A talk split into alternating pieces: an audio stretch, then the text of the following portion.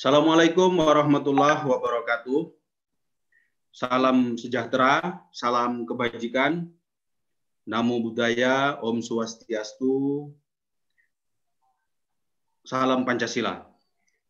Eh, kita ketemu lagi di Sarasehan yang ketujuh, Klub Merawat Indonesia Megawati Institute bersama saya Marbawi Akaton. Saya ditemani oleh karib saya, eh, Saudara Dida Darul Ulum, Nah, pada kesempatan kali ini, sebagaimana sesi Sarasehan sebelumnya, kita selalu menampilkan figur yang inovatif, progresif, patriotik, punya karya dengan kerja dan caranya sendiri untuk sukses dan mampu menjadi inspirasi bagi banyak orang. Nah, topik-topik yang kita angkat, figur-figur yang kita uh, ingin belajar kepadanya berasal dari berbagai latar belakang yang cukup beragam, mulai dari aktivitas dunia ekonomi, sosial, budaya, pendidikan, dan lain-lain, kecuali elektorat. Nah ini, kecuali elektorat. Nah, kali ini uh, telah hadir bersama kita Ibu Despi Lestari. Beliau seorang aktivis sosial, aktivis kesejahteraan sosial tepatnya, yang sudah berkecimpung lama di dunia pemberdayaan masyarakat, Eh, bukan saja sektor ekonomi tapi juga eh, pemberdayaan-pemberdayaan sosial lainnya seperti pengembangan sumber daya manusia. Nah, beliau nanti uh, saya persilakan untuk memperkenalkan diri selanjutnya lebih lengkap. Sejauh yang saya ikuti di beberapa pertemuan dan media yang saya baca, beliau beliau seorang inisiator petarung samudra, saya suka istilah beliau ini, suatu istilah yang menggambarkan spirit kemaritiman bangsa kita di masa lalu. Jadi jangan dikira orang maritim itu cuma orang luar Jawa gitu ya. Orang Jawa juga punya spirit maritim terutama di eh, Pantura. Nah, spirit itu yang selalu melekat dan memang ada realitas di lapangan nelayan kita tidak selalu semuanya sejahtera baik karena Eh, struktur sistem maupun karena memang kualitas sumber daya manusia atau maupun ada keterbatasan akses kepada eh, modal eh, sarana produksi dan laut itu sendiri misalnya apalagi kalau pada musim-musim tertentu di mana gelombang tinggi nelayan kita juga tidak bisa melaut sehingga mereka tidak punya pendapatan. Nah, di sini barangkali beberapa gagasan inovatif dari Bu Despi bisa kita dengar apakah nelayan itu misalnya kalau kosong tidak menelayan apa yang mereka bisa lakukan diberdayakan di darat melalui budidaya perikanan dan sebagainya. Nah, Bu Despi juga mengembangkan kelompok eh, apa budidaya perikanan begitu ya. Jadi kalau di petani itu ada poktan, kalau di perikanan itu juga ada saya lupa namanya pokdakan gitu kalau tidak salah begitu kelompok budidaya eh, perikanan Nah, seperti apa eh, itu dijalani selama ini dilakukan dan bagaimana itu bisa kita tiru gitu ya, bisa kita replikasi dan menjadi inspirasi bagi generasi muda di tempat lain. Saya persilakan Bu Despi, waktu bebas ini karena it's your forum sebenarnya gitu ya, karena kita bukan uh, diskusi panelis gitu ya. Di sini ada pendalaman. Jadi bisa diceritakan misalnya Eh, kenapa terjun di sini, apa yang menjadi apa yang memanggil itu semua, ada kedalaman apa di dalam proses ini, bagaimana tantangannya, apa misi yang ingin diwujudkan, visi yang ingin dicapai dan seterusnya gitu ya. Dan uh, seperti apa saran-saran yang ingin kita dengar yang berguna bagi uh, kemajuan bangsa dan negara kita. Saya kira itu pengantar dari saya Bu Desmi. Kalau kelamaan nanti narasumbernya malah saya loh. Mangga, Bu Despi. Ya, It's Assalamualaikum warahmatullahi wabarakatuh. Salam sejahtera buat kawan-kawan ini belum pada kumpul ya. Jadi eh, saya memperkenalkan diri ke eh, Bang Marbawi kan sudah mengenal ya, mengenal saya lah. Bang Dida barusan. Salam Mas Arif. Jadi saya Despi Lestari sebenarnya domisili saya saat ini itu di Jakarta. Tetapi dua tahun terakhir ini saya lebih sering bolak-balik ke Jawa Tengah ya, lebih seringnya ke Jawa Tengah, perbatasan Jawa Timur, itu kegiatan kegiatan saya sebenarnya selain di perikanan pada khususnya di nelayan ya. Sebenarnya juga di pertanian juga. Di kawasan bukan pertanian sawah tetapi lebih lebih lebih khususnya ke petani hutan lah. Petani yang tinggalnya di sekitar hutan. Bisa dibayangkan ya Mas Dida ya petani yang tinggal di sekitar hutan itu gimana jauhnya kan gitu kan? Jadi dari mulai saya keliling di Jawa Tengah di daerah Kendal itu saya melihat untuk di kehutanannya. Ini saya bicara kehutanan nanti akan nyambung ke sisir nih. Karena yang saya datengin dua wilayah itu sama-sama punya gunung dan punya laut pesisir pantai. Satu di Kendal itu uh, untuk di perikanannya dan nelayannya itu masih masih masih masih kurang ya menurut saya untuk kalau untuk industri besarnya di Kendal itu masih kurang. Untuk nelayannya juga saya melihat uh, kurang greget ya kalau saya melihat itu ya Pak Marbawi ya kurang greget. Untuk di mereka lebih lebih lebih fokusnya memang di pertanian dan perkebunan kalau di Kendal. Seperti itu. Dari situ saya berpikir nih gimana nih cara nyatuin nih. Saya jalan di kehutanan pertanian dan sekaligus untuk meng, ini apa uh, uh, uh, uh, apa yang bisa saya lakukan juga untuk nelayan di situ. Cuaca, cuaca terkadang menjadi kendala yang sangat besar buat mereka. Cuaca, terkendala cuaca, mereka nganggur. Mereka mau bertani nggak punya lahan kapal kadang nyewa. Seperti itu ya Pak Marbawi ya. Akhirnya mereka ya mancing. Kebanyakan mereka mancing. Jaring. Di tambak-tambak yang ada di sekitar di pesisir pantai Jawa. Dari situ saya mulai gerak ke arah eh, Pantura, ke arah Tuban. Ke arah Tuban sama juga. Ya, di daerah Tuban itu juga sama dengan Kedal ada di terbagi dua wilayah ya dari pegunungan juga dan uh, di uh, laut di pesisir. Masalahnya hampir sama juga. Satu cuaca. Jika cuaca cuaca tidak tidak ini cuaca kurang bagus, mereka juga nganggur. Dan tambak-tambak di Tuban itu kebetulan pemiliknya ya tahu sendiri Pak Marbawi ya kalau nggak orang kaya, wong sugih, nggak bakalan punya tambak berhektar-hektar, kan gitu. kalau uh, warga yang tahu sendiri, mungkin uh, karyawan lah, kan gitu ya, yang di kapal-kapal ikan itu, mereka pasti nganggur. Tambak mereka harus nyawa juga, atau paling banter mereka jadi, maaf ngomong nih ya, karyawan, kuli lah ya di, di tambak, tambak orang kaya-kaya itu, kan gitu. Terus uh, saya balik ke arah Demak. Permasalahannya juga hampir sama. Permasalahannya hampir sama. Kalaupun toh mereka eh, punya kapal sendiri ataupun mereka uh, berkelompok dalam arti nelayan kan sudah ada tuh gabungan nelayan kelompok. Itu juga sama juga.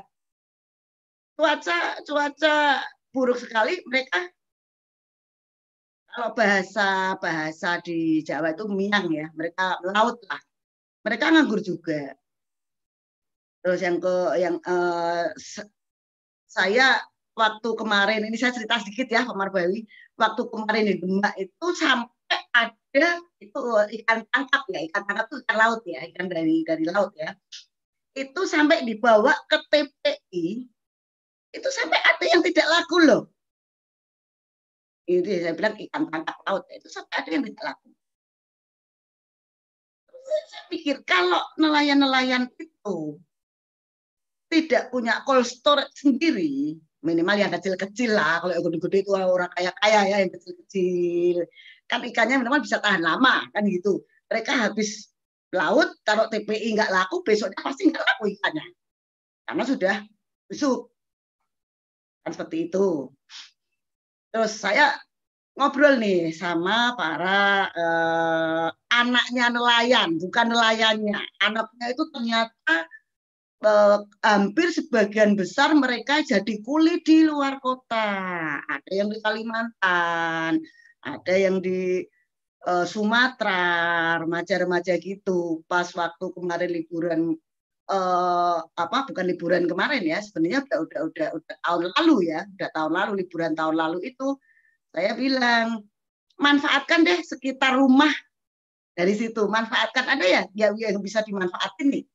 Ada yang nggak punya lahan? Ada yang punya lahan tapi kecil.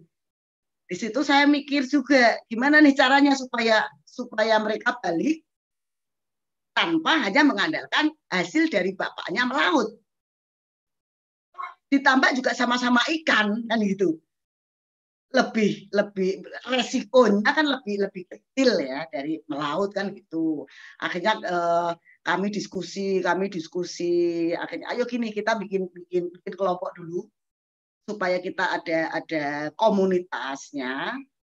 Terus eh, di samping itu kita juga harus harus me, ini uh, apa namanya saya survei lokasi juga survei lokasi yang tempat budidaya perikanan. Tempat saya saya saya, saya survei lokasi di beberapa wilayah. Setelah itu kami membentuk kelompok ya untuk anak-anak muda ya yang dalam tanda kutip mereka itu sebenarnya pengangguran juga yang kerja orang tuanya kan gitu. Apalagi cuaca kemarin kan juga tahu sendiri ya Mas ya. Akhirnya oke okay, kita coba deh bikin dari terpal dulu nih. Didayakan dari terpal. Di situ karena eh, sosialisasinya kurang, terus kurang terkoordinir, jadi kayak individu masing-masing kan. Ada akhirnya ada satu kawan sebenarnya masih saudara sih di daerah Demak punya lahan itu sekitar 6 hektar tambak sudah lama tidak terpakai. Saya panggilin satu-satu itu anak-anak muda yang anaknya para nelayan itu terus kita kita diskusi bagaimana bila kita budidaya ikan di sini sembari mereka menunggu menunggu apa namanya menunggu giliran mereka kerja lagi kan gitu. Jadi bisa rolling itu loh pak maksud saya terus uh, uh, uh, uh, uh, waktu waktu kemarin kapan hari itu anak-anak kawan-kawan ya maksud saya kawan-kawan itu uh, Bu Despi kita ayo kita badan hukumkan saja kelompok ini supaya kita nanti cari permodalannya lebih mudah nah itu tadi di situ sebenarnya banyak peran kawan-kawan saya untuk hal teknisnya. Saya itu hanya membantu di satu untuk administrasi kelengkapannya, yang kedua untuk resource permodalannya, yang eh, ketiga resource teknologi, yang keempat resource pasar atau penjualannya. Karena kalau itu nanti, saya bilang, karena kalau itu nanti hanya budidaya yang ala kadarnya atau tradisional, percuma juga, gitu loh. Gak ada bedanya dengan bapakmu laut. Akhirnya gimana nih caranya? Oke, kita belajar dulu dari internet. Anak-anak muda itu kan kalau dengan teknologi kan pasti pintar sekali ya dibanding kita kita ya kan gitu kan. Akhirnya mereka cari internet, cari info seperti itu. Gimana nih cara budidaya untuk untuk yang modern atau uh, kalau sekarang ini kita sebut budidaya intensif ya teknologi intensif sembari kami mengajukan atau uh, mencari info mengenai siapa nih yang mau membiayai. Karena di dalam kelompok kita ini ada sekitar 25 orang ya 25 orang ya.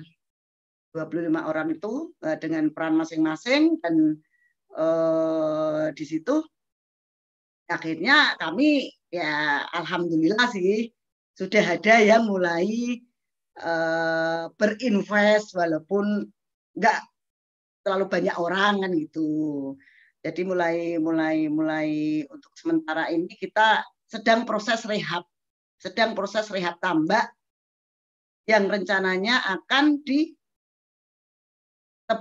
atau di kalau di pertanian kan ditanamin ya di, di untuk e, rencana budidaya udang dan bandeng. Kenapa saya saya e, bilang bandeng? Karena saya nggak mau nggak mau merubah secara instan bahwa bandeng ditinggal enggak, karena memang kultur budaya masyarakat di situ tuh bandeng itu ada gitu loh. Sampai nggak kaget gitu Pak Warbi ya. Kalau udang faname kan orang kan udah takut dulu nih aduh udang ini ribet sekali. Nah, saya ngomong disiasati, sebenarnya kan sama juga budidaya udang sama uh, bandeng ya. Sama-sama mereka makhluk hidup, sama-sama mereka hidup di air kan gitu. Cuma mungkin ekosistemnya aja yang yang yang agak tidak. Nah, untuk sementara itu dulu Pak Marbawi ya. Mungkin ada yang mau ditanyakan lagi nih. Uh, lanjut dulu Bu Despi begini uh, kan persoalan nelayan ini ya atau hmm. persoalan keadaan ekonomi nelayan kita itu kan klasik ya dari hmm. dulu ya begitu itu. Nah tentu sebenarnya sudah banyak juga pendekatan maupun kebijakan yang diambil oleh para stakeholders termasuk pemerintah gitu. Nah, berdasarkan pengamatan Bu ya, dengan tadi misalnya tiga titik, misalnya di Kendal, Tuban, dan sekarang itu Demak. Mm-hmm. Nah, itu seperti apa yang gini, nggak apa-apa diceritakan aja, dieksplor eh, apa-apa yang sudah dijalankan selama ini, sehingga eh, yang dilakukan sekarang itu menjadi sesuatu yang serius gitu ya, bukan sesuatu yang sekedar uh, apa uh, solusi-solusi imparsial gitu ya, hmm, hmm. Uh, yang sekedar solusi tambal sulam. Tetapi menurut Bu Despi, apakah ini diyakini itu bisa menjadi solusi uh, juga nanti jangka panjang begitu? Maksud saya uh, monggo dieksplor dulu sehingga uh, saya belum bisa banyak bertanya kalau belum eksplor lebih jauh. Mangga, mangga. Jadi jadi sebenarnya peran peran nah, saya di sini, toh, ini santai toh. Jadi sebenarnya itu peran saya di kelompok ini ya Pak Marbawi itu sebenarnya inisiator aja sih. Lebih banyak lebih banyak teman-teman teman-teman yang di lapangan yang bekerja. Saya sebenarnya hanya hanya uh, ngasih masukan terus ngasih ngasih ini uh, uh, informasi ke mereka sembari saya juga mengajari mereka untuk merubah pola pola pola budidaya maksud saya ya pola budidaya itu. Merubah pola budidaya jangan seperti yang kemarin-kemarin kan gitu untuk untuk pola budidaya yang kemarin itu gimana? Kan masih tradisional Pak Marbawi. ya maksudnya ini, tradisional itu bagaimana? tradisional itu ya karena maksudnya bisa dieksplor gitu. Yang tradisional itu bagaimana? Dan sekarang mau di switch ke yang lebih enggak eh, tradisional itu juga bagaimana? Gitu apa pun istilahnya mau modern kayak ya, ini apa? baru Budaya sih memang karena kita ini gak ada yang jadi, pernah jadi nelayan sih ya. Jadi, gitu. Gak kebayang. uh, uh, jadi, jadi orang tua juga oh, gak ada banyak petani ini. Kebanyakan petani. Oke oke baik. Iya Mas jadi, Dita ini kalau dari tradisional nanam singkong menjadi modern dia udah tahu. Hmm, tapi kalau budidaya ikan kerapu jadi ikan bandeng itu saya belum tahu gimana caranya Bu. Coba. Yang dimaksud tradisional atau modern itu di budidayanya. Di budidayanya. Jadi kayak gini nih, sebenarnya tempatnya sama, medianya sama.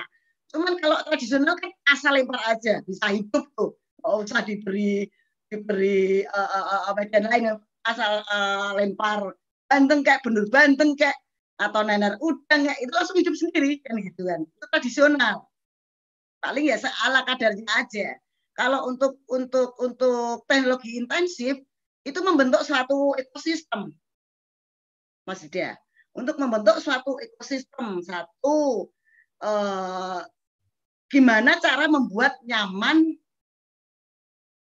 ikan itu tanpa uh, mengurangi mengurangi contoh nih ya mengurangi suhunya suhu suhu suhu panas ya suhu panas suhu mataharinya sinar mataharinya terus makanan yang didapat dari lahan itu.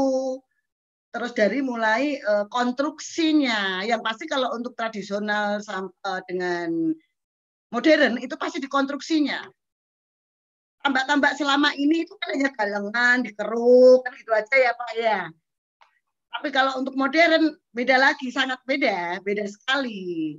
Ada malah yang sampai itu tambak buatan itu keruk ditor bikin kolam tertutup rapat masih dikasih plastik kan gitu ya total biomembran itu tapi kalau tradi kalau tradisional kan enggak, asal aja kan galangan dikeruk, udah bentuk kotak, kasih saluran buang selesai kan gitu. Tapi kalau untuk modern memang lebih banyak eh, maaf nih saya bicara kayak ini ya, lebih banyak keluar duitnya, modalnya.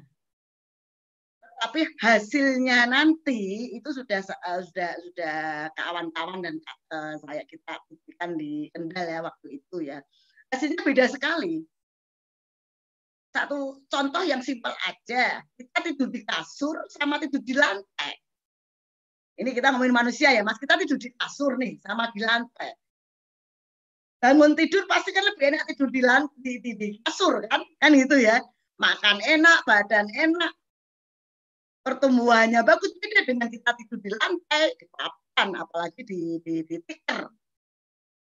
Kita kita kita samakan dengan dengan dengan uh, kita ya, Mas Mas Dida seperti itu. Ya, uh, biasanya, biasanya nih, biasanya masyarakat yang mau dengan teknologi modern, kalau saya bilang uh, uh, jangan teknologi modern, dan nanti bingung juga, intensif. Dengan teknologi intensif itu kurang, masih kurang sekali, Pak Marbawi ya. Karena apa? Tadi itu terkendala di permodalan. Hanya yang itu tadi saya bilang yang punya kapital besar. Kalaupun toh dengan lahan yang kecil, hasilnya juga nggak seberapa kecuali kelompok itu punya satu satu satu lahan kecil digabungin jadi besar atau dibikin klaster ya itu baru nah, itu itu maksud saya hmm. kan selama ini ya petani maupun lain itu kan sendiri sendiri ya eh, di dalam berproduksi gitu Nah, eh, ada dua menurut saya yang menjadi tantangan kan, tapi bisa dikoreksi sih. Satu soal mindset dari uh, ikan tangkap, uh, lalu dalam secara temporer kemudian budidaya ikan di, uh, di, di, di, di kolam atau di perairan di, di, di, di darat begitu. Yang kedua tadi soal uh, apa uh, aktor produksinya, apakah sendiri-sendiri yang biasanya mereka lebih nyaman begitu hmm. uh, atau kolektif gitu ya jadi ada dua hal dari sisi manusianya yang uh, di lapangan tuh seperti apa ya uh, itu di treatment atau di diperjuangkan sehingga hal-hal uh, yang sifatnya teknis maupun material seperti modal dan lain-lain itu bisa kita skip dulu gitu ya kita habis ini kita berdalam gitu gitu Mbak. Jadi memang karakter nelayan kita hampir uh, mungkin uh, beda-beda dengan petani kita ya. Kembali lagi ke mindsetnya. Kebanyakan mereka kan individualis. Kalau sudah masuk ke hal-hal teknis seperti itu kan individualis. Dan itu yang selalu saya bilang ke mereka, kamu kerja sendiri, hasilmu segitu, dengan kamu berkelompok, hasilmu lebih besar, hasilmu lebih bagus, eh, kuantitinya lebih banyak, pasti akan datang sendiri untuk permodalannya. Jika kamu individual masing-masing, ya itu itu itu saya selalu selalu uh, saya tekankan ke orang ke, ke orang-orang ya kembali lagi juga ke penerimaan mereka kan gitu kan. Makanya di di Demak ini salah satu contoh juga supaya nanti kawan-kawan di daerah kendalanya mereka pasti lahan. Kan seperti itu ya Pak Marbawi kendala pertama itu lahan. Kalau untuk kita ingin budidaya dengan hasil yang itu ya yang kalau saya ini sih hasil yang besar hasil yang membuat kita punya duit banyak lah kan gitu. Kembali lagi ke lahan. Sebenarnya masalah masalah masalah masalah lahan itu kalau untuk di nelayan memang bisa kita di pesisir-pesisir itu kita bikin rumpon-rumpon dulu tuh bisa. Kan tergantung tergantung desa setempat ya. Awalnya kan kita di juga bikin rumpon-rumpon itu kan gitu rumpon terus kayak ramba gitu loh tapi kok lama-lama ah ini mah semua orang juga udah ngelakuin seperti ini kan gitu akhirnya ada salah satu kawan yang uh, meminjamkan misalnya meminjamkan dan kerjasama berkelompok kalau nggak berkelompok, saya tidak akan mau. Saya bilang gitu. Saya tidak akan mau untuk untuk, untuk uh, menginisiasi ini supaya jadi gitu loh. Akhirnya dari dari apa namanya dari kita kita sudah ada lahan terus kita rehab memang butuh butuh biaya banyak Pak Marbabi kalau untuk untuk kita uh, kolektif ya, uh, petambak kolektif ya untuk intensif itu ya. Cuman kalau kita bikin padat karya, padat karya dalam arti ayo kita bareng-bareng lah. Kita kita uh, uh, uh, kita kerjakan nih kita rehab ini. Juga nggak begitu banyak juga. Tergantung luasan lahan. Dan hasilnya contoh satu contoh kita juga bisa kok men, untuk kan ada bantuan juga untuk saprodinya ya. Untuk saprodi yang paling banyak ditambah intensif itu kan di rehabnya. Kita bisa ngajuin bantuan atau pakai e, ngajuin ke bumdes ya itu bisa juga sebenarnya nggak sulit sih untuk untuk permodalan yang yang sekelas kelompok gitu seperti itu Pak Marbawi. Nah, yang eh, ada sekarang itu eh, berapa luas Bu? Dan, Untuk sekarang ini dan kalau sudah berapa lama itu dilakukan ya?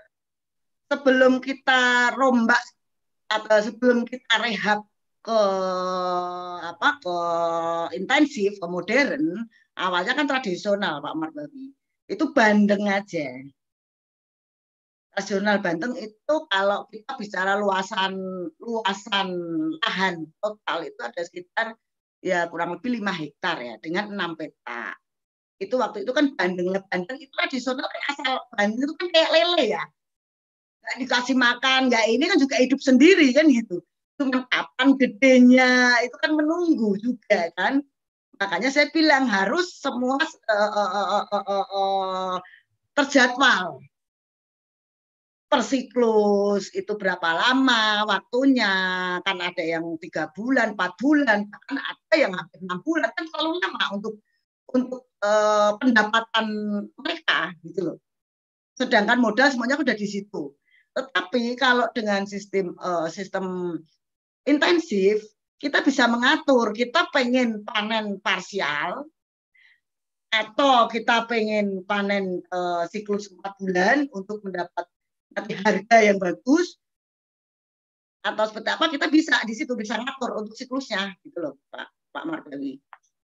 Jadi nggak kayak dulu kayak kayak singkong ya harus setahun kan gitu ya. Sekarang nggak juga, Bandeng juga juga nggak nggak nggak gitu harus empat bulan nggak juga. Udah juga gitu eh, dua bulan di panen juga bisa. Seperti itu Pak. Nggak kayak pertanian kan pasti kayak singkong harus uh, eh, 8 bulan atas. Tadi Eh, tiga bulan ke atas kan seperti itu seperti itu ya kalau di budidaya itu sebenarnya kita bisa ngatur kok untuk siklusnya seperti itu Pak Marbawi uh, nah itu uh, apa ya itu kan biasanya nelayan itu kosongnya bulan apa ya mereka itu bisa biasanya bulan itu pas Desember kan mulainya atau bulan November apa ya? November awal awal awal November uh, uh, akhir September awal November sampai ke Februari empat bulan ya, empat bulan. Ya tergantung sih Pak Pak Marbawi tergantung cuaca. Tapi sebenarnya sama juga sih untuk untuk tambak, untuk nelayan tambak yang baru memulai mau rehab itu juga tidak boleh dalam di musim hujan kan gitu ya. Tapi kalau yang sudah berjalan sih nggak masalah seperti itu. Itu Pak hmm. Marbawi. Nah itu eh, gini, ada nggak yang sejenis yang dilakukan kiri kanan ya, terutama di daerah-daerah yang juga nelayan dan juga eh, apa eh, pesisirnya itu yang jadi tambak ya, selain Bu Despi sehingga eh, model-model seperti ini bisa direplikasi lebih cepat gitu misalnya atau ini murni orang di darat aja dia nggak pernah nelayan atau kalaupun ada dua-duanya seperti apa perbedaannya itu ya? Mereka kalau mereka kebanyakan dua-duanya juga kok, dua-duanya juga. Tapi eh, hampir sebagian besar mereka individual ya mereka ya nggak nggak nggak berkelompok lah. Kelompok ini satu satu klaster tuh milik banyak orang gitu enggak yang punya duit ya yang bisa bikin lahan gede kan gitu kan yang kaya kecil kan gitu hmm. jadi jomplang gitu loh Pak Marbawi jomplang hmm. makanya kenapa saya bikin bikin kelompok bikin kelompok ini tuh supaya merata juga sih sebenarnya supaya merata hasilnya merata kan gitu ya terus uh, uh, uh, uh, uh, bisa diharapkan hmm. bisa bisa dipastikan kapannya mereka dapat uang kapan mereka bisa untuk untuk untuk untuk untuk untuk menabung mereka kan seperti itu. Tapi kalau individual gitu kan nggak bisa, nggak serentak pak. Dan itu beda-beda. Kalau yang besar-besar itu mereka yang sendiri-sendiri itu mereka itu uh, uh, uh, uh, kayak masa masa kayak musim musim tebar musim ini seenaknya sendiri mereka kan ya jadwalnya atau mereka sendiri ya kan seperti itu. Kalau kita kolektif, kita kelompok, kita terjadwal. Dan hasilnya juga terjadwal. Terus untuk pasar, untuk penjualannya kan uh, sudah sudah sudah ter ini semua ya sudah sudah berhitung semua akan sekian hasilnya itu udah udah udah tahu semua gitu loh jadi pasti serba pasti pak kalau di di kolektif dan intensif itu hmm, itu kata nah, kuncinya sih, kolektif kolektif dan uh, intensif itu ya kata. Ya, teknologi intensif. Sebenarnya bisa kok di, di direplikasi ke, ke daerah mana asal uh, ya itu tadi ya merubah ya, merubah mindset ya. Kalau perlu ya Karang Taruna kan gitu kan atau bumdes yang harus melibatkan banyak orang kan kan gitu. Bisa sebenarnya bisa asal ada ada kemauan aja ya. Kalau kalau di Demak ini kan karena mereka nggak ada jalan lain kan seperti itu kan mereka mau apalagi eh, pandemi mulai ya mulai agak kita ini Januari kan ya. Itu kan hmm, mereka udah nggak ada jalan lain kok. Mereka mau kerja keluar kota sudah nggak ada ibaratnya nggak ada pekerjaan lagi. Apalagi ke Jakarta kan gitu. Mau apalagi nganggur di rumah nganggur di kampung. Ya ayo kerjakan ini kayak gitu loh pak. Hmm. oh ini itu sudah menjadi budaya mereka juga untuk di budidaya darat dengan di laut nggak ada bedanya kok sama-sama hidup di air mereka kan gitu. Hmm. Sekarang di berapa desa nih Bu? Kebetulan di sini itu ada ada satu desa Pak, masih satu desa di Demak satu desa, dua desa uh, untuk anggotanya di dua desa ya. Untuk anggota kelompoknya itu ada di dua dua desa kalau di Demak. Terus kalau di Kendal uh, ada satu desa, cuman dengan kelompok yang sedikit. Karena kan hampir sebagian besar itu di, di Kendal itu kan banyak yang TKI ya maaf ya. Banyak yang kerja di luar negeri kan gitu ya. Itu Pak Marbawi. Ini eh, kan tadi hasilnya bisa diatur eh, panennya bisa diatur. Betul. Terus eh, kalau jumlahnya besar itu eh, off takernya sudah ada ya? Yang beli itu sudah, sudah. ada. makanya saya Atau, eh, ibu kerjasama sama pihak tertentu membeli itu bagaimana? Enggak, ya, pas begitu aja. Enggak, enggak. Kalau kalau dijual pasar bebas, Pak. Kalau dijual pasar bebas bahaya juga karena kita belum punya cold storage gitu loh. Kecuali kita punya cold storage sendiri ya kan gitu. Hmm. Kita memang ada kemitraan sih, sudah uh, beberapa sudah ada yang hmm. mengajak kemitraan yang sudah sudah pasti ada satu kan gitu yang sudah pasti ada hmm. satu yang beberapa mereka ingin juga kayak gitu.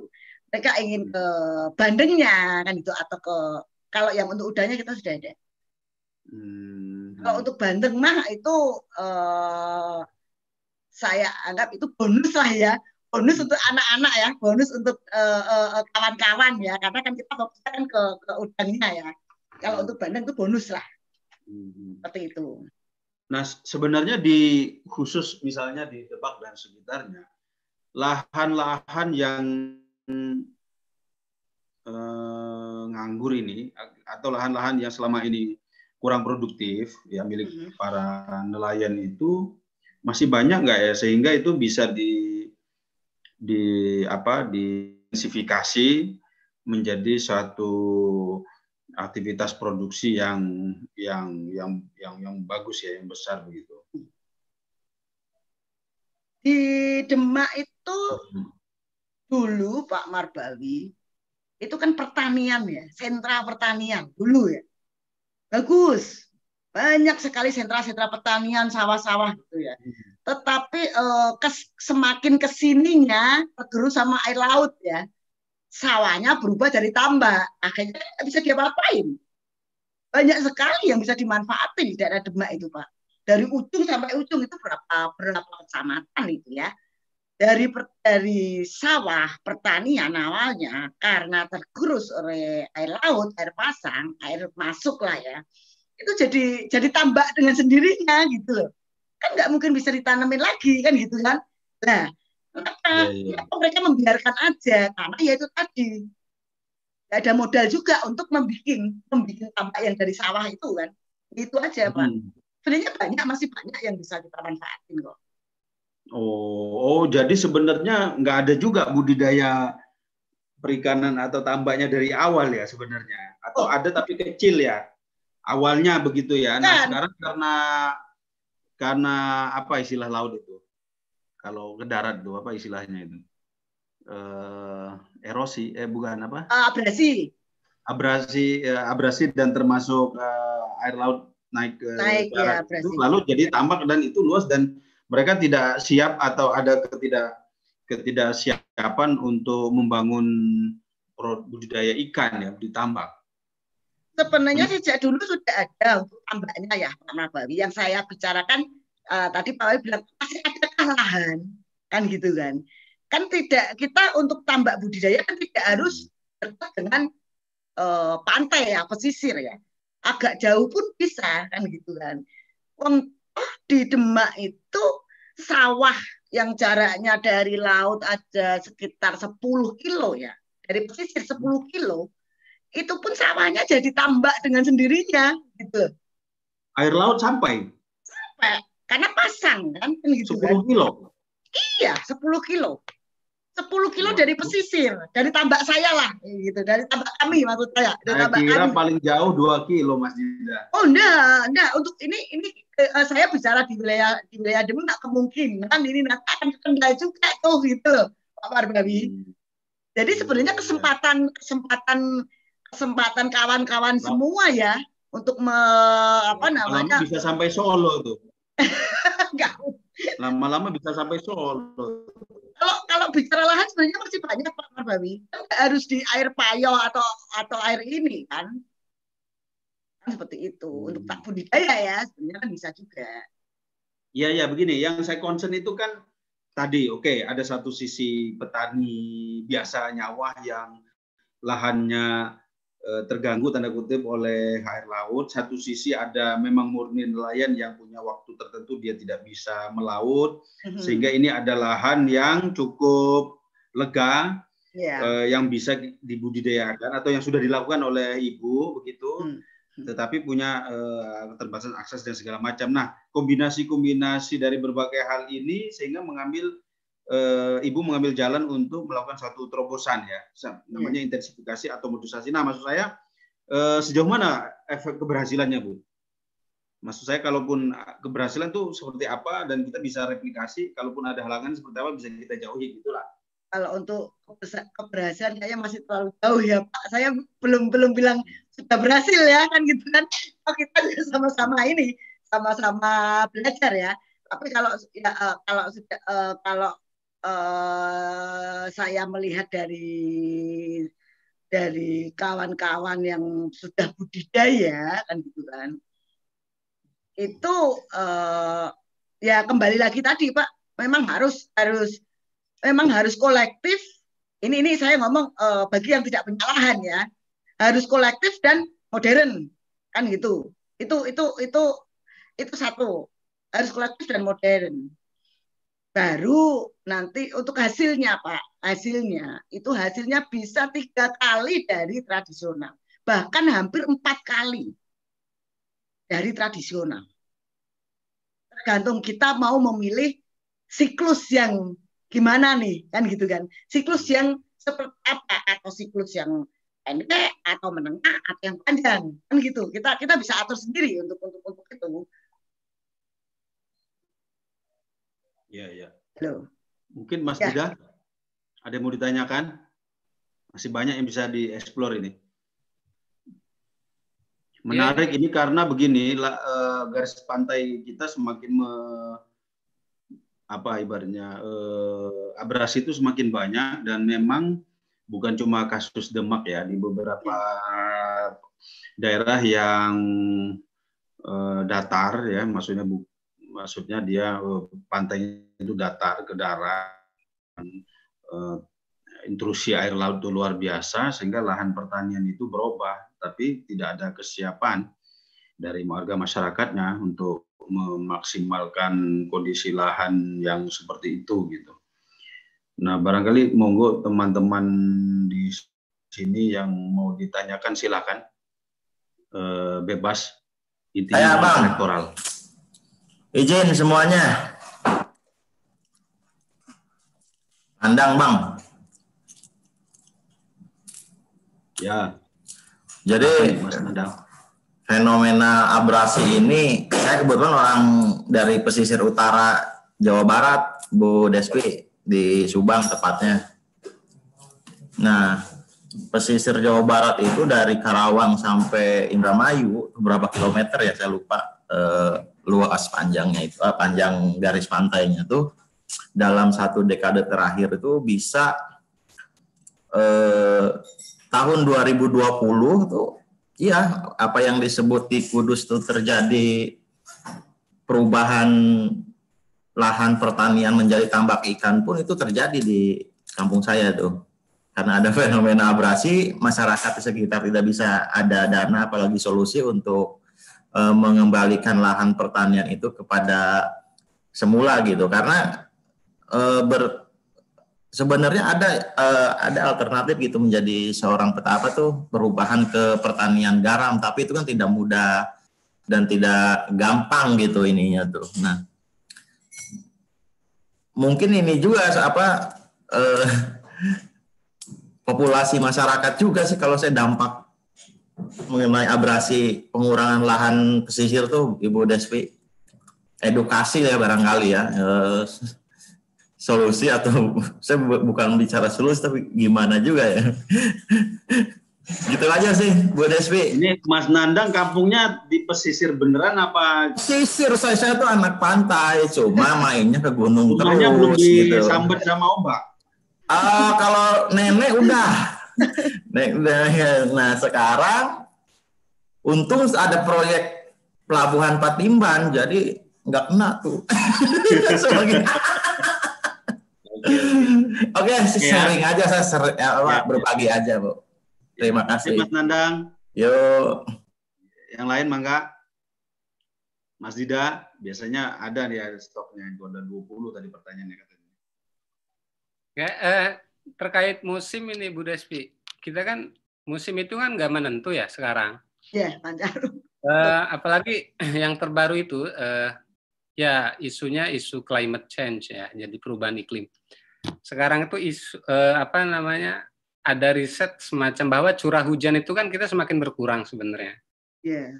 hujan. Terus juga apa tadi disebutkan nelayan itu dari awal November lah kira-kira ya Bu Despi ya. ya, itu biasanya ya, biasanya. biasanya ya biasanya Iya. gitu tapi melihat peraba- apa, perubahan cuaca yang ekstrim ini ini kan cuaca ini ekstrim banget nih Eh, saya itu beberapa tahun ini beberapa beberapa tahun ini mungkin dari 2003 atau 4 tahun ini itu kan sebenarnya nggak menentu banget nih antara musim hujan dengan musim panas bahkan musim hujan tuh eh, apa namanya lebih sering gitu ya, lebih sering.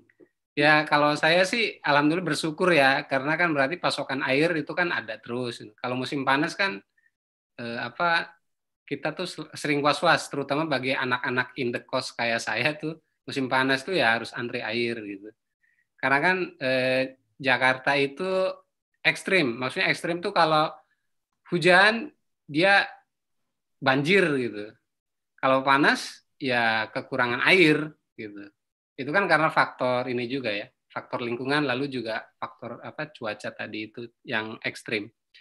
Yeah. Itu kalau melihat itu, itu ada pengaruhnya enggak itu Bu Despi? Kan tadi katanya cuacanya itu kan kuncinya juga ya untuk para nelayan itu, untuk yeah. bisa apa namanya mereka itu beradaptasi gitu. Itu sih saya pengen tahu, penasaran soal itu. Itu solusinya pulang kampung itu kembali ke cuaca berpengaruh ke nelayan ikan tangkap atau ke tambak nih pertanyaannya Mas Dida nih?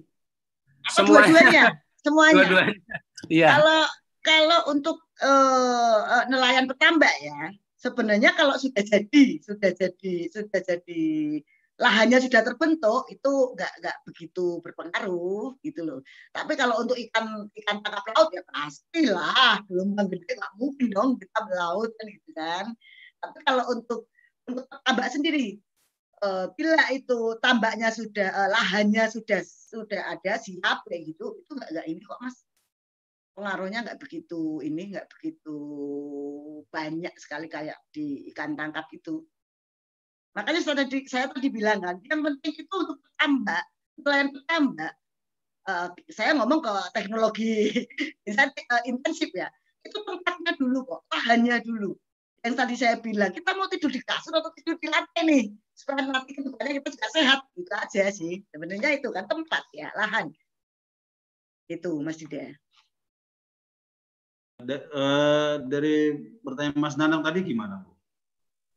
Untuk yang uh, yang mana nih? Jadi gini itu kan uh, apa namanya uh, kondisi uh, perubahan lahan dari pertanian menjadi Eh, pertambakan itu ya akibat intrusi air laut itu kan semakin meluas dan hmm. sebenarnya belum ada uh, treatment yang memadai ya untuk membuat itu tetap uh, punya produktivitas gitu loh. Hmm.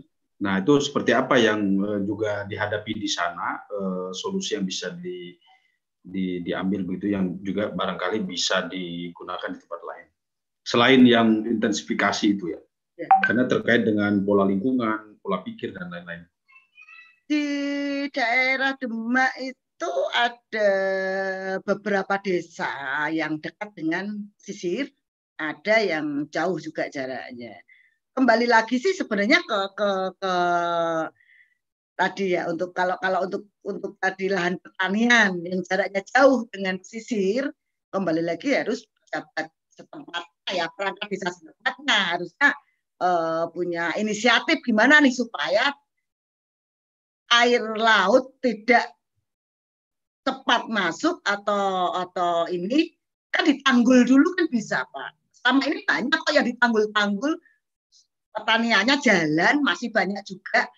Kalau ada beberapa maaf ya Mas Nandang ya mungkin itu juga kurang perhatian sama perangkat desanya yang sampai jadi tambak terbengkelai kan gitu ya maaf ngomong ya. Tapi tergantung juga Pak Marbawi eh, eh, perangkat desanya juga. Ada yang pertaniannya masih bisa walaupun di sebelahnya saja sudah jadi tambak. Karena apa tadi itu pintu masuk pintu masuk ditanggul semua gitu loh Pak. Kalau kita mau jadikan ah untuk hasil pertanian ya, hasilnya sedikit ya udah jadiin tambak aja gitu loh maksud saya eh, di, di selama ini di sana seperti itu. Itu aja Pak Marbawi Mas Nandang ya. Contohnya gini uh, Bu Bu siapa? Bu Mbak. Dulu itu zaman saya SD tahun 90-an kan ada dinas dari Kementerian Perhutanan dan eh, perhu, dinas kehutanan dan apa tuh? Apa namanya? Kehutanan dan pertanian perlindungan per, kehutanan dengan apa yang yang ada BKSDA tuh badan lingkungan hidup ada yang namanya Dirjen eh, BKSDA itu apa sumber daya alam ya Badan Konservasi Sumber Daya Alam. Itu zaman saya SD itu di pesisir itu masih banyak hutan bakau tuh. Hmm. Di setiap area 100 kilometernya itu tuh pasti ada petugas BKSDA polusi hutan namanya itu itu memeriksa rutin.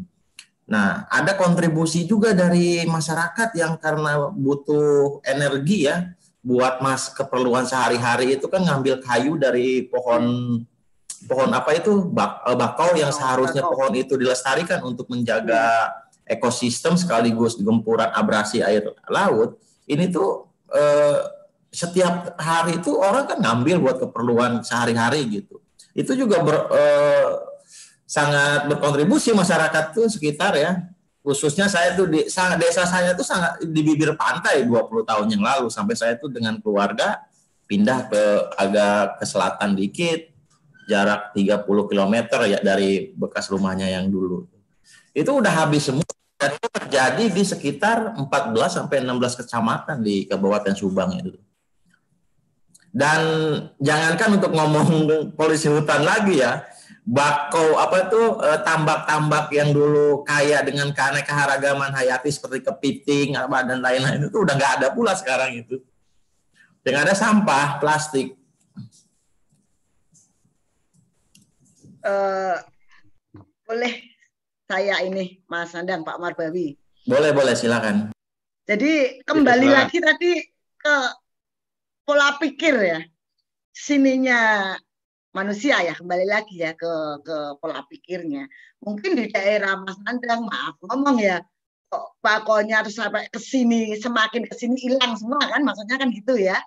Kalau di Demak kebetulan ada awalnya juga seperti itu awalnya tapi eh, karena ya karena internet sudah masuk di sana terus anak-anak mudanya pengen pengen ah kok desa saya seperti ini? Gimana nih supaya rame? Ini banyak mangrove-nya banyak bakalnya. Mereka justru malah nggak berani untuk mengusik itu ya untuk, untuk nelayan-nelayan di sana ya mas mas mas Nandang ya. Karena apa? Karena kalau uh, kalau saya bilang sih itu buat mainan mereka berkreasi jadi orang pada takut gitu loh. Contoh mereka bikin ada mangrove. Mangrove gimana nih? Mangrove di tengah laut tengah pantai. Gini sebelahnya pantai eh, bisa bisa dilewati. Tapi orang kalau mau ke pantai sana harus melewati mangrove. Mereka justru berinisiatif membuat trek gitu membuat trek untuk bisa jalan. Itu kan uh, uh, uh, apa namanya inovasi juga. Kalau di uh, kalau itu uh, itu orang nggak akan berani gitu loh. Karena terlalu lama ditinggalkan jadinya lama-lama orang cuek ya orang nggak perhatian itu hilang atau enggak tapi kalau tiap hari dikunjungi tiap hari dilihat tiap hari banyak orang pasti akan terjaga kok untuk itunya Mas Nandang kembali lagi ke pola pikir orangnya juga sih ya ke mindset kawan-kawan ya Enggak, Pak Marbawi. Ya, silakan. Masih ada Mas Arif atau Mbak Retno? Halo Mbak Despi. Halo Mbak. Mas Arif, Mas Kus. Halo Mbak. Mas Marbawi, Mas Dida. Saya Nandang Mbak, bukan Kus. Oh. Aduh maaf ya saya ngikutinnya setengah-setengah. Oh iya nggak apa-apa bisa dipahami. Saya jadi teringat beberapa waktu yang lalu ada proyek sejenis untuk uh, budidaya apa ya budidaya ternak ikan, tapi untuk tujuan di untuk uh, apa namanya ikan yang konsumsi seperti ikan lele, ikan ikan laut juga ya seperti bandeng dan seterusnya itu dalam rangka untuk persiapan uh, sebetulnya persiapan pensiun lebih dini gitu. Hmm. Jadi ada trainingnya, dilatih, ditempatkan di uh, apa area tambak yang memang sudah sukses, uh, proyeknya sudah sukses dengan harapan dengan adanya PHK lebih awal ini yang bersangkutan bisa punya kegiatan, punya usaha sendiri sehingga bisa menghidupi dirinya dan keluarga harapan itu. Nah, cuman kondisinya kan di situ uh, si para calon, si para employee ini adalah mereka sudah punya lahan gitu. Jadi nggak nggak khawatir dengan mau dijalankan di mana nih usaha tambak atau usaha budidaya ikannya gitu nggak masalah. Kalau di sini sih saya melihatnya begini, uh, apa pun bentuk bantuan atau upayanya untuk budidaya itu ada saya lihat seperti tadi saya sempat dengar Mas Marbawi bilang kayaknya ceritanya itu itu aja. Kesejahteraannya untuk siapa gitu? Untuk penduduk sekitar sehingga ekonomi di situ dari bidang budidaya ini saja itu berkembang ya. Atau hanya sekedar kasih bantuan maju di, ma, kelihatan maju selesai gitu. Padahal sebetulnya sasarannya bukan sasaran eh, untuk mengapa eh, apa namanya perekonomian yang lebih baik bagi penduduk setempat itu bukan gitu kan banyak tuh ceritanya yang punya tanah siapa yang punya usaha siapa yang punya modal besar siapa jadi kembali lagi karena membutuhkan lahan untuk melakukan budidaya Berarti secara pemetaan uh, program uh, seperti ini kembali lagi ke masalah tanah sebetulnya kepemilikan tanah dan penggunaan tanah oleh pihak-pihak yang tepat. Kalau mau mengutamakan penduduk setempat, saya nggak tahu ya, saya bukan uh, politikus atau anggota DPR dan seterusnya bukan seperti itu. Cuman bayangan saya, apa pun usahanya selalu nggak tepat, selalu nggak tepat. Mungkin metodenya benar udah bagus. Saya nggak mau uh, apa namanya mengkoreksi itu caranya sudah bagus tapi sasarannya nggak kena karena yang punya tanah bukan mereka banyak sekali misalnya mengolah sawah tapi sebetulnya hasilnya bagi si pemilik tanah bukan petani hanya sebagai kuli penggarap bukan sebagai pemilik tanah lagi-lagi masalahnya itu jadi kalau dilihat dari ininya uh, dari pemrogram pemrogramannya itu sendiri adalah saya sih pribadi kembali ke masalah kepemilikan tanah. Yang saya tahu sekarang adalah batasan kepemilikan di wilayah tertentu. Nah, kalau nggak dapat di wilayah tertentu, dia pindah ke wilayah lain gitu. Nggak dapat itu baru daerah Jawa Barat misalnya. Nanti punya tanah lagi di Bali, punya villa di Bali, punya tanah lagi di di mana-mana lagi. Akhirnya sasarannya nggak pas. Makanya ekonominya nggak nggak nggak bisa diperbaiki secara maksimal atau lama itu gara-gara itu masalah tanah itu itu sih Mas Merbawi, Mbak Despi. Kalau dari programnya sih saya support ya. Dari Mas Nandang juga. Oke. Mbak bang, Despi. Boleh masuk Bang. Ya, siapa? Agustin. Oh, uh, silakan Gus. Gus Arif. Siap. Mbak Despi, uh, saya ada beberapa yang apa ya menjadi apa pertanyaan ya misalnya saya pernah ke wilayah Rembang daerah Lasem nih kalau nggak salah Iya, tim sukses ini dulu sana. Hmm. Jadi saya pernah uh, mensupervisi uh, kawan-kawan di sana. Jadi apa ya? Ternyata nelayan-nelayan di sana itu apa punya banyak masalah yang berhadapan dengan kebijakan-kebijakan yang ada di pemerintah ya. Misalnya, pemerintah di peraturan Menteri Nomor 2 2015 tentang penangkapan juga ternyata yang jadi bidikan bidikan atau imbasnya malah nelayan-nelayan kecil gitu. Lalu eh, begini, saya bagaimana menceritakannya ya? saya apa namanya bertanya nih Mas kalau Mas melayani berapa lama Mas? Saya bisa tujuh hari gitu bilang kayak gitu. Terus dia pulang tanpa hasil. Pun kalau misalnya mendapatkan hasil dia tidak mempunyai apa namanya alat yang baik atau instrumen yang baik untuk memasarkan hasil tangkapannya. Kalau tadi Mbak bilang ada apa ya namanya ada resource modal teknologi atau soal tadi pemasarannya gitu. Kalau melihat fenomena seperti itu gimana ya Mbak ya? Juga eh. demikian tuh yang terjadi di di Jepara ya di daerah misalnya di daerah Kelet sana juga sama kayak gitu atau di Juanas itu juga sama fenomenanya hampir sama seperti itu gitu. Ya, jadi ya, demikian dong. Jadi intinya pulang nggak bawa hasil nih kan gitu ya, Mas? Iya, Arif. betul. Setelah iya, betul. melaut gitu ya. Mm-hmm. Ya tadi saya Pun bilang kalau tadi dapat hasil itu apa ya? Masih Pemasarannya segala macam itu. Ya? Hmm. hmm. Jadi gini, Mas Arif, ini saya lebih lebih ini lagi. Tadi kan saya bilang untuk perikanan uh, ikan tangkap laut ataupun budidaya perikanan itu kan sebenarnya kata kuncinya tuh satu aman aman di resource modal aman di resource teknologi aman di resource penjualan satu lagi nih yang krusial nih aman di para maling atau pencurian maling dan pencurian itu nggak hanya di darat saja loh, nggak ada nggak hanya di budidaya perikanan tambak ya. Maaf nih Pak Marbabi ya, saya agak-agak kenceng nih kalau ngomongin ini ya. Loh, maaf, maaf Mas saya. lanjut, di lanjut. Laut pun, di laut lanjut. pun di ikan tangkap kita juga banyak loh. Malingnya, maling kepala ikan itu banyak juga. Nanti hasil tangkapan berpindah ke kapal ada mana ada banyak. Ya Pak. Oh ada ya. pembe ada pembegal kapal. Ya kita tahu sama tahu lah Pak Margawi masa saya ngomong. Nah, saya pikir cuma begal motor.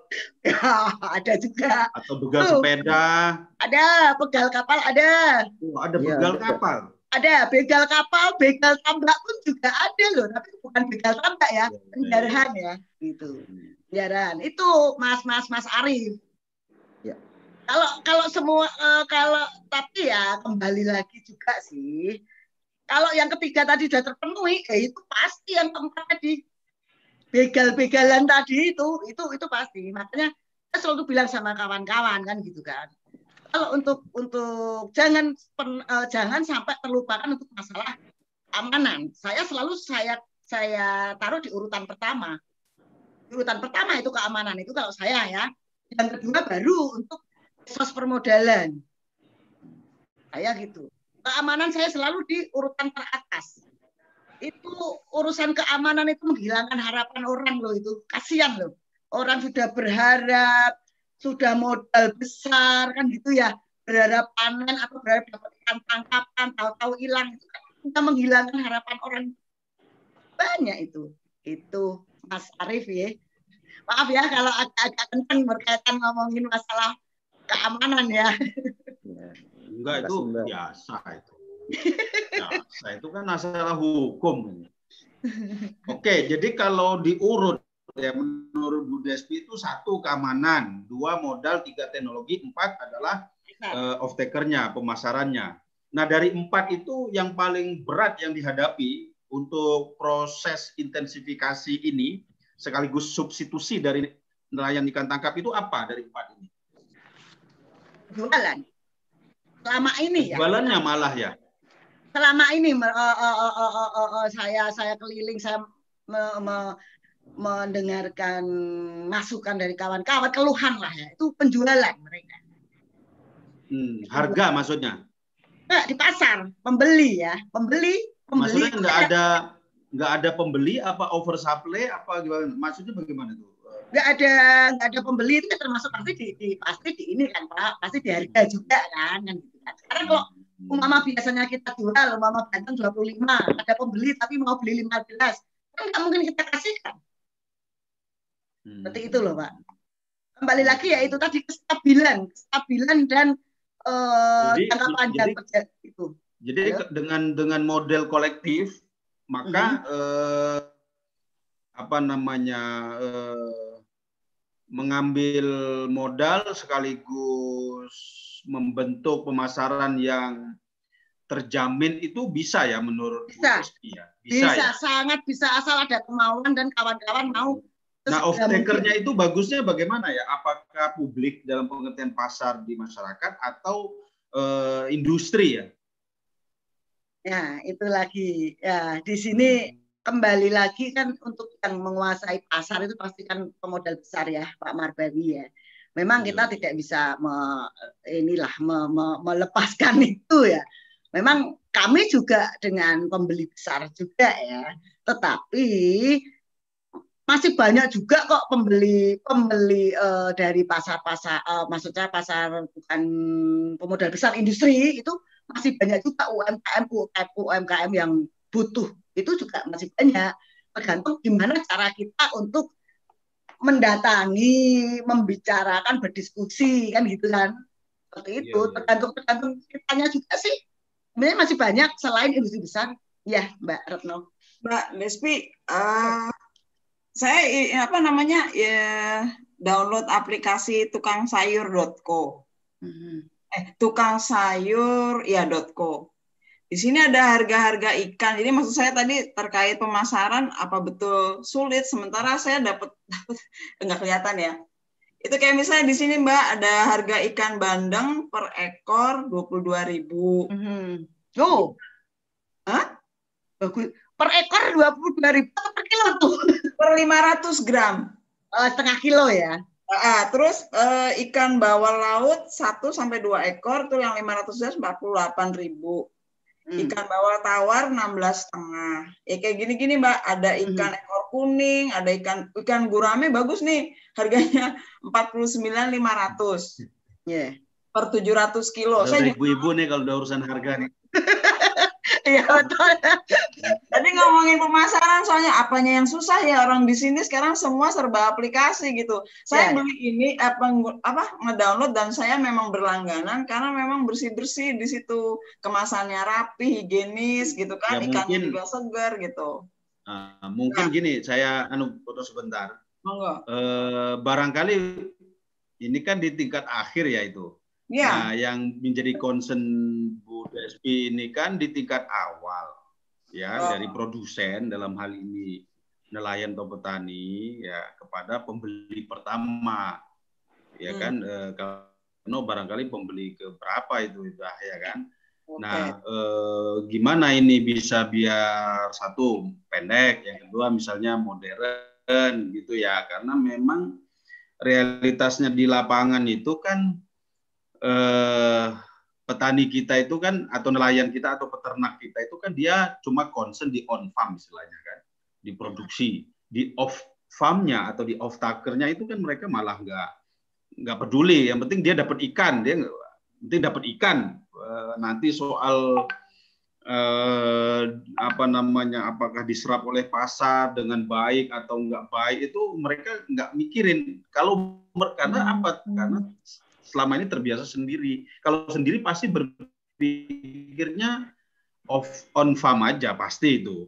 Nah, maksud saya kalau misalnya model kolektif ini bisa dibangun, konsolidasi lahan sedikit-sedikit tapi dikonsolidir jadi banyak, atau kapal kecil-kecil dikonsolidir jadi satu banyak, itulah yang dimaksud oleh uh, presiden misalnya oleh pemerintah itu sebagai mengkorporasikan peternak atau petani itu ya itu maksudnya orang individu punya lahan kecil-kecil atau punya sarana produksi kecil-kecil tapi karena dikolektifkan jadi banyak lahan pun misalnya tadi setiap orang cuma 0,2 hektar tapi kalau 100 orang kan sudah 20 hektar misalnya begitu ya. lalu kapal kecil-kecil tadi cuma nangkap 10 kilo tapi kalau nangkapnya dibiayain bareng-bareng gitu kan jadi 10 kapal jadi 200 100 kilo dan seterusnya. Nah, itu model itu maksud saya yang saya mau ya mau saya pertegas di Ibu Despi itu nah itu bisa nggak itu itu maksudnya?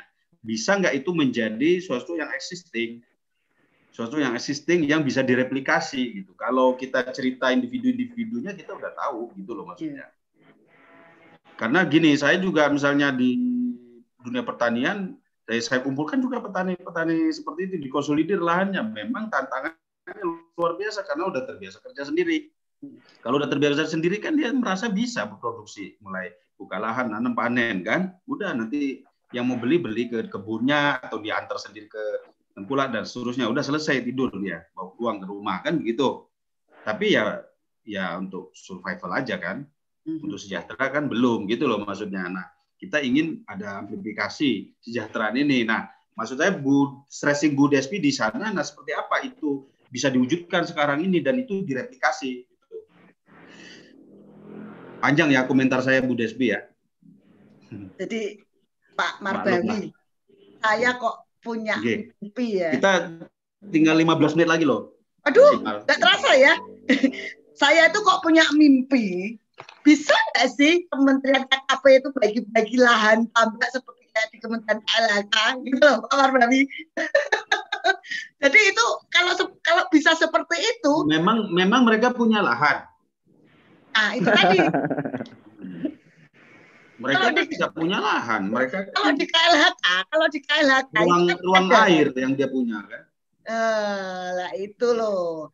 Ada nggak? Karena gini Pak, ada tambak saya itu berbatasan dengan eh, bukan berbatasan, beririsan dengan sungai.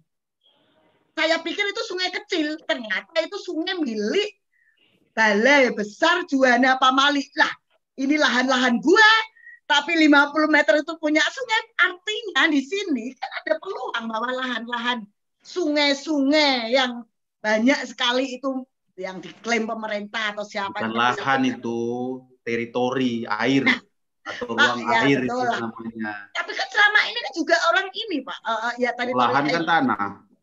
ya betul, ya bahasanya yang inilah. Ya. Hmm. Itu kan bisa juga Pak Marbawi. Karena tuh saya lihat selama ini Oh, juga- bisa, bisa, bisa. Hmm. ya itu melalui melalui mungkin kementerian KAP ya, Ya, ya, ya. oh besar kan gitu kan. Hmm. Ya, karena di, di, di lahan lahan hutan atau lahan pertanian kan juga pemerintah juga ada ada tuh kayak apa IPA itu kan ada bisa. Nggak saya tuh punya mimpi gitu loh. Nah itu bisa terwujud untuk bikin pasar-pasar industri untuk di nelayan loh. Hmm. atau masing-masing wilayah nih pemda wilayah masing-masing itu banyak kok Pak, punya pemda pak. Banyak itulah eh, eh, eh, batas eh, apa ya saya bilang batas teritori air milik pemda itu juga banyak gitu loh Iya, iya, iya. Nah, itu tadi ini milik gua, ini milik milik pemerintah ya. Mereka adalah pemerintahan gitu kan. Daripada mereka dibiarkan, udah bagi di bagi ke warga atau dengan gimana seperti kayak seperti Pak Jokowi bagi-bagi PHPS itu ya kan gitu loh. Itu apakah mungkin Hmm. Pak Bami? Nah ini loh. Iya, iya, iya. Oke ya, itu. Nah, itu tadi pertanyaan Bu Retno tuh tolong dikomentari tuh karena setengah lim- setengah kilo 22 ribu kan Hmm. di tangan Bu Retno. Hmm. Nah, eh, sekarang di tangan petani itu berapa sekilonya, Bu? Ini kita biar gampang dulu sekarang misalnya. Maksudnya di tangan peternak ikan itu kalau dia lepas sekilo berapa sekarang? Panen lepas kilo berapa sekarang? Ikan apa tadi Mas Marbawi? Ikan Misalnya bandeng. bandeng, misalnya bandeng, misalnya bandeng. Ya bandeng Eh, Mbak. Mbak Despi 22.000 per lima- 500 gram ya? 500 ya per gram kilo. 22 Misalnya ribu. sekarang, Iya.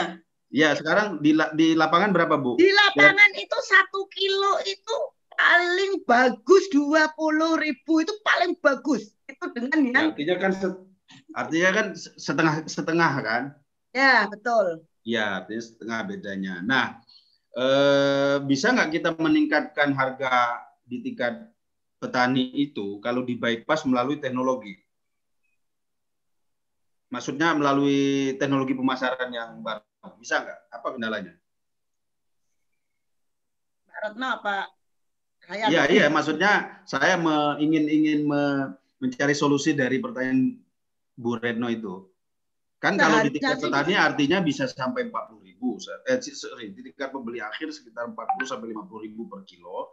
Kalau di tingkat eh, produsen itu eh, paling maksimal 20 ribu misalnya begitu kan? Kan beda setengahnya itu 100 persen atau 100% lebih gitu. Nah, bisa nggak kita langsung di, melalui kelompok melalui kelompok ini melalui kelompok eh, petarung ini petarung samudra ini lalu membuat satu model pemasaran online sendiri atau digital sendiri atau sesuatu yang baru sehingga harganya itu Ya. oke lah misalnya nggak sampai Aplikasi. 40 ribu per kilo misalnya jadi 30 ribu gitu. Artinya kita di- tadi yang kita bicara hulu-hulu nih, sekarang kita bicara hilir nggak? Seperti apa tantangan yang dihadapi? Atau pernah dicoba nggak sama Bu Desti gitu?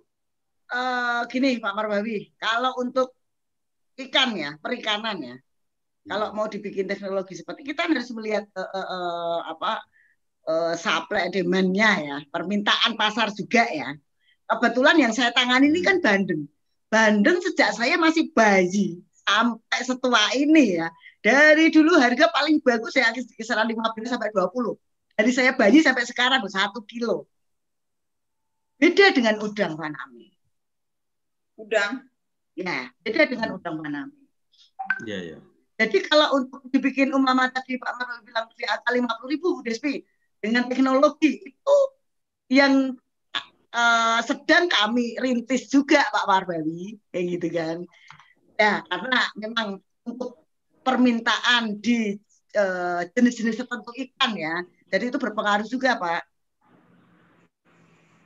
Oke, oke ya.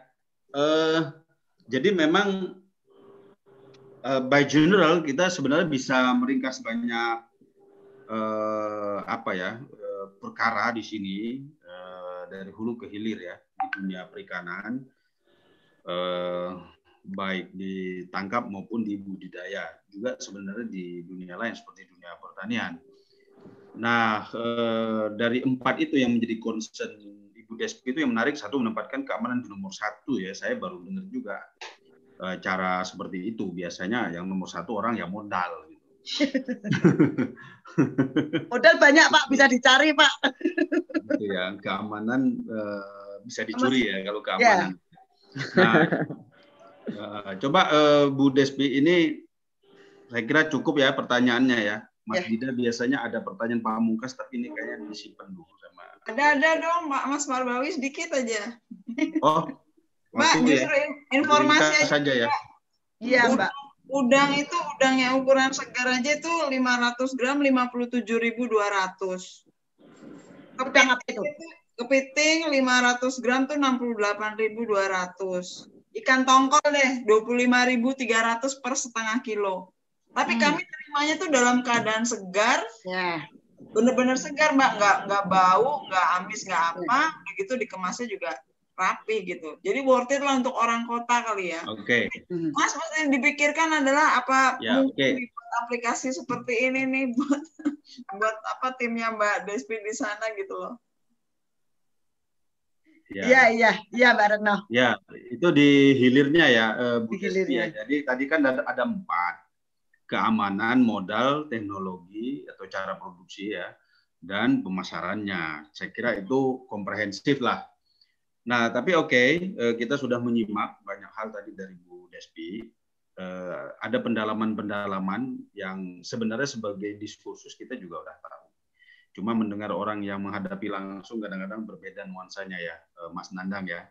Eh, kalau saya disuruh terjun seperti Bu Despi ini kayaknya belum tentu sanggup nih Mas Nandang.